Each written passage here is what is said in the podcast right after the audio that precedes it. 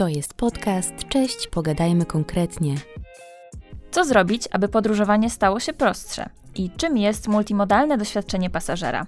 O tym porozmawiamy w kolejnym odcinku podcastu Cześć, pogadajmy konkretnie z Joanną Grudzińską, starszym kierownikiem projektu z Biura Realizacji Podprogramu Aerotropolis i Rozwój w CPK. Cześć Asiu. Cześć, cześć. No i właśnie, zacznijmy tutaj od początku, to znaczy co to jest multimodalne doświadczenie pasażera? Zacznijmy może od tego, e, czym jest w ogóle doświadczenie pasażera. E, w naszym przypadku naszym klientem jest pasażer, więc będziemy się wokół niego dzisiaj skupiać. Ale czym jest doświadczenie klienta? E, przede wszystkim tym, co klient pasażer słyszy o naszej organizacji, jakie są jego interakcje z organizacją, produktami, usługami, a w konsekwencji co czuje w związku z no, organizacją. Na przykład, jeżeli pasażer przemieszcza się przez lotnisko, no to spotyka się po pierwsze z informacjami, informacjami na stronie internetowej, punktami odprawy, obsługą klienta i albo to będzie dla niego przyjemne doświadczenie, albo negatywne. Towarzyszą mu zawsze emocje. Tak jak powiedziała Maja Angelo, ludzie zapomną, co powiedziałeś, co zrobiłeś, ale nigdy jak się przez nich czułeś. I w konsekwencji, jak mówimy tutaj o doświadczeniu pasażera, chodzi multimodalność, czyli podróżowanie różnymi środkami transportu podczas tej samej podróży, minimum dwoma. Czyli na przykład w przypadku CPK będzie to samolot i kolej. Mhm.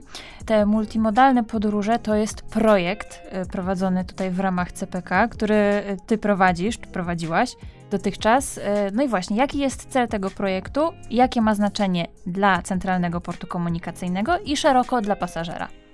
Tak, projektujemy idealną podróż multimodalną, czyli innymi słowy odpowiadamy na pytanie, co musimy zrobić, żeby ta podróż dla pasażera była lekka, prosta i przyjemna. Co to znaczy dla CPK? No, to są kluczowe odpowiedzi na pytanie, co zrobić, bo budujemy przecież nie tylko lotnisko, ale hub przesiadkowy. Ta podróż zawsze będzie, no nie zawsze, ale będzie multimodalna, a wiemy z badań z pasażerami, że ta mm, przesiadka dla podróżującego zwiększa poziom stresu i chcemy tego uniknąć dla pasażera, co oznacza no, przede wszystkim bezstresową podróż, szybką i wygodną. Dodam jeszcze, że aby osiągnąć najlepsze rezultaty, zaprosiliśmy do stołu sześć spółek z mhm. branży. Mhm. I wspólnie projektujemy tą idealną podróż. E, no i właśnie wspomniałaś tutaj już o badaniach. No i te badania są kluczowe w tym, żeby opracować tą idealną podróż. I jakie są najważniejsze wnioski i czy może jest coś, co było najbardziej zaskakujące albo najciekawsze, jakiś najciekawszy wniosek z tych badań? Tak, zrobiliśmy badania. Badania są niezbędne, żeby zrozumieć, e, jakie są obecnie problemy, z którymi się borykają pasażerowie, jak wyglądają te newralgiczne przesiadki, jakie są potrzeby. Każdy oczywiście jest indywidualną osobą i ma te potrzeby różne. Więc e, zapytaliśmy 3000 pasażerów e, i wyłoniliśmy pięć segmentów które podobnie podróżują. Tak? Czyli na podstawie tych pięciu segmentów wiemy, że na przykład rodziny z dziećmi podróżują inaczej, inną mają elastyczność do podróży, inne potrzeby w podróży, a inaczej oczywiście na przykład będzie biznesmen. Po tych e, badaniach ilościowych na próbie 3000 przeprowadziliśmy dodatkowo 52 wywiady indywidualne. One pomogły nam zrozumieć już konkretne doświadczenia i potrzeby uczestników specyficznej grupy, jak oni funkcjonują w podróży i jak się różnią od pozostałych grup. Zrobiliśmy te badania zarówno z Polakami, jak i z obcokrajowcami. Wiadomo, że będziemy hubem międzynarodowym.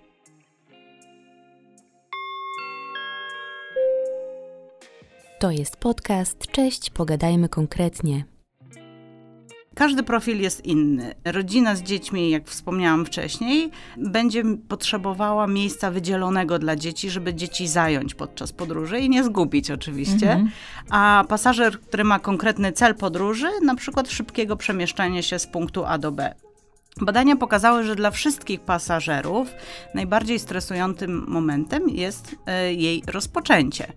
Wtedy kiedy na własną rękę muszą dotrzeć do pierwszego środka transportu. Mhm. Inaczej już wygląda sprawa z opóźnieniem kolei czy opóźnieniem samolotu, bo wiadomo, że ta odpowiedzialność jest wtedy przeniesiona na przewoźnika tych usług.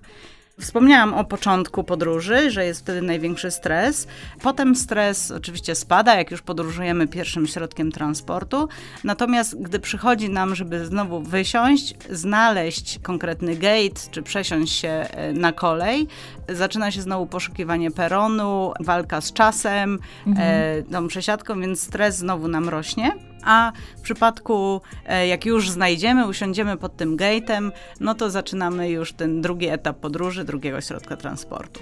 Więc to jest taka ciekawa krzywa, która wyszła. Dodatkowo nakłada nam się na to zmęczenie pasażera. A mianowicie na początku jest entuzjazm do podróży i duży stres, ale z czasem zmęczenie rośnie. Więc tak naprawdę newralgicznym punktem podróży jest właśnie ta przesiadka wspomniana wcześniej, kiedy już występuje zmęczenie i rośnie dodatkowo stres. Mhm. I dlaczego tego typu badanie jest prowadzone teraz, skoro lotnisko i pierwsze linie kolejowe, bo to również jest część projektu CPK, wystartują dopiero w 2027 roku? To jest bardzo dobre pytanie i odpowiedź jest bardzo prosta. Najpierw musimy zrozumieć naszego pasażera, żeby zaadresować jego potrzeby w przyszłości. Musimy wiedzieć, jakie są bolączki, żeby znaleźć na to rozwiązania. Zaprojektowaliśmy kilka rozwiązań, które mają ułatwić zarówno planowanie podróży, jak i jej przebieg. E, no ale te rozwiązania na rynku jeszcze nie istnieją. Prace wymagają wielu partnerstw, które umożliwią stworzenie mm, nowych, łączonych usług ze sobą między przewoźnikami. Więc zdecydowanie jest to projektowanie, które wymaga czasu, projektowanie nowych usług, a potem umieszczenie je jeszcze w formie cyfrowej. Mhm. Czyli rozumiem, że jeszcze tutaj jest przed nami trochę pracy i też przede wszystkim pracy takiej branżowej z różnymi instytucjami i partnerami z tego środowiska transportowego, że tak to nazwę. Tak, tak i to jest zdecydowanie e, zaletą tego projektu, że nie robimy ani nic dla siebie, tylko robimy dla pasażera i robimy to wspólnie z naszymi partnerami. Mhm. I w ramach tego zespołu, który pracował przy projekcie, powstały koncepcje tych usprawnień, e, na przykład planer podróży podróży multimodalnej. Jak one były tworzone i skąd wiadomo, że sprawdzą się w praktyce? Dobrą praktyką projektowania usług jest przetestowanie rozwiązań z użytkownikami potencjalnymi, czyli w naszym przypadku pasażerowie. Więc y, najpierw do projektowania zaprosiliśmy y, pasażerów niezwiązanych z branżą, po prostu mających doświadczenie w podróżowaniu, którzy sami pod okiem moderatora warsztatów y, kreowali przyszłe rozwiązania. E, natomiast później niektóre z nich zostały przekształcone w prototypy i poszliśmy znowu do pasażerów z zapytaniem, jak widzą takie, a nie inne funkcjonalności czy to rzeczywiście rozwiązałoby jakiś problem w podróży. Wszystkie nasze koncepty zostały przetestowane i większość z nich została odebrana pozytywnie. Oczywiście po to się robi testy, żeby zweryfikować, czy rzeczywiście to, co proponujemy, no, będzie zasadne do wdrożenia. Więc tu jest odpowiedź na to pytanie, e, skąd wiadomo, że sprawdzą się w praktyce. Tutaj mogę zdradzić trochę szczegółów dotyczących tego multiplanera, o którym wspomniałaś. Rzeczywiście jednym z konceptów jest y, taki asystent podróży.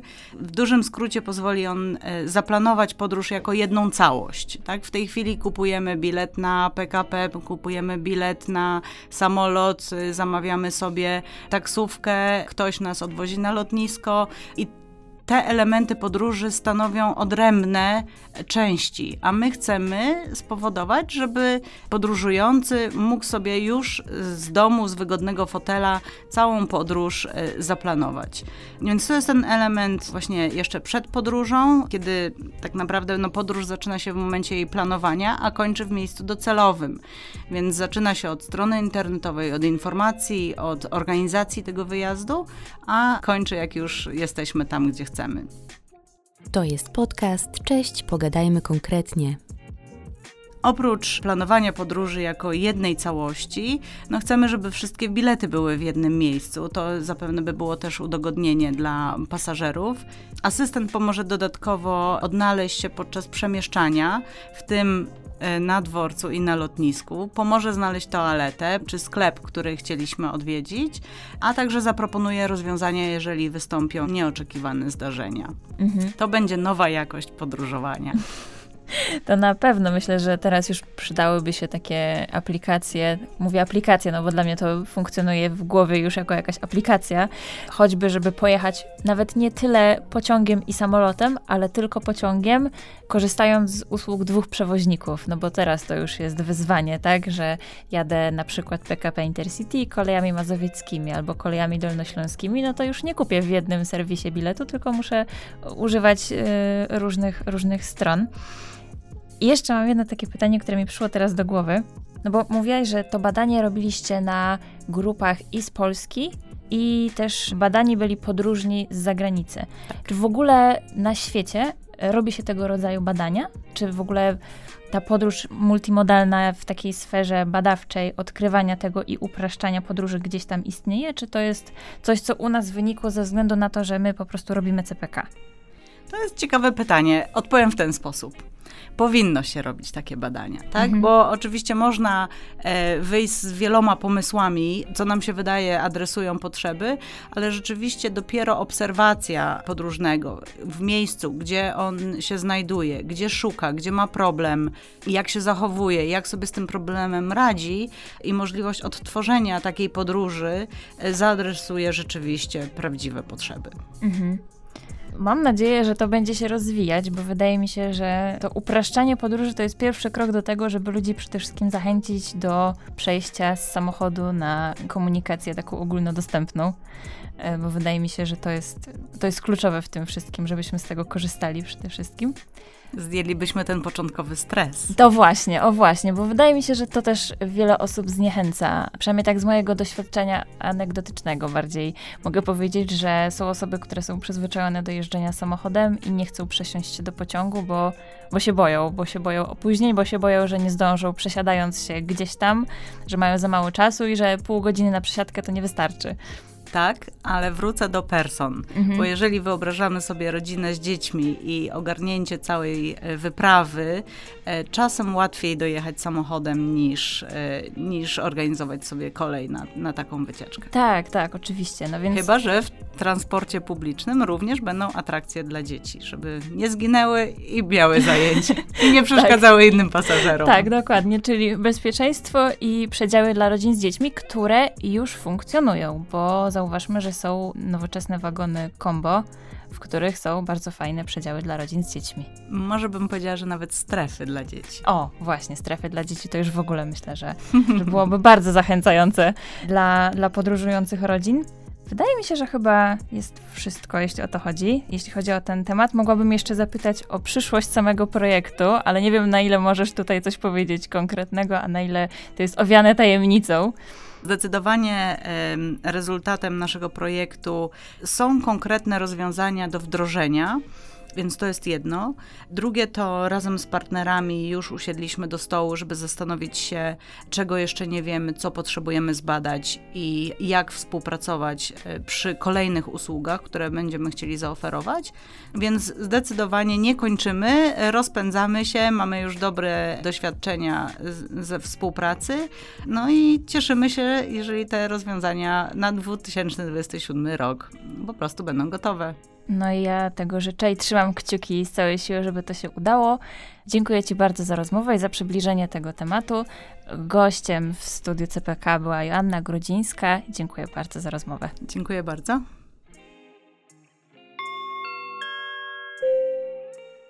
To był podcast. Cześć, pogadajmy konkretnie.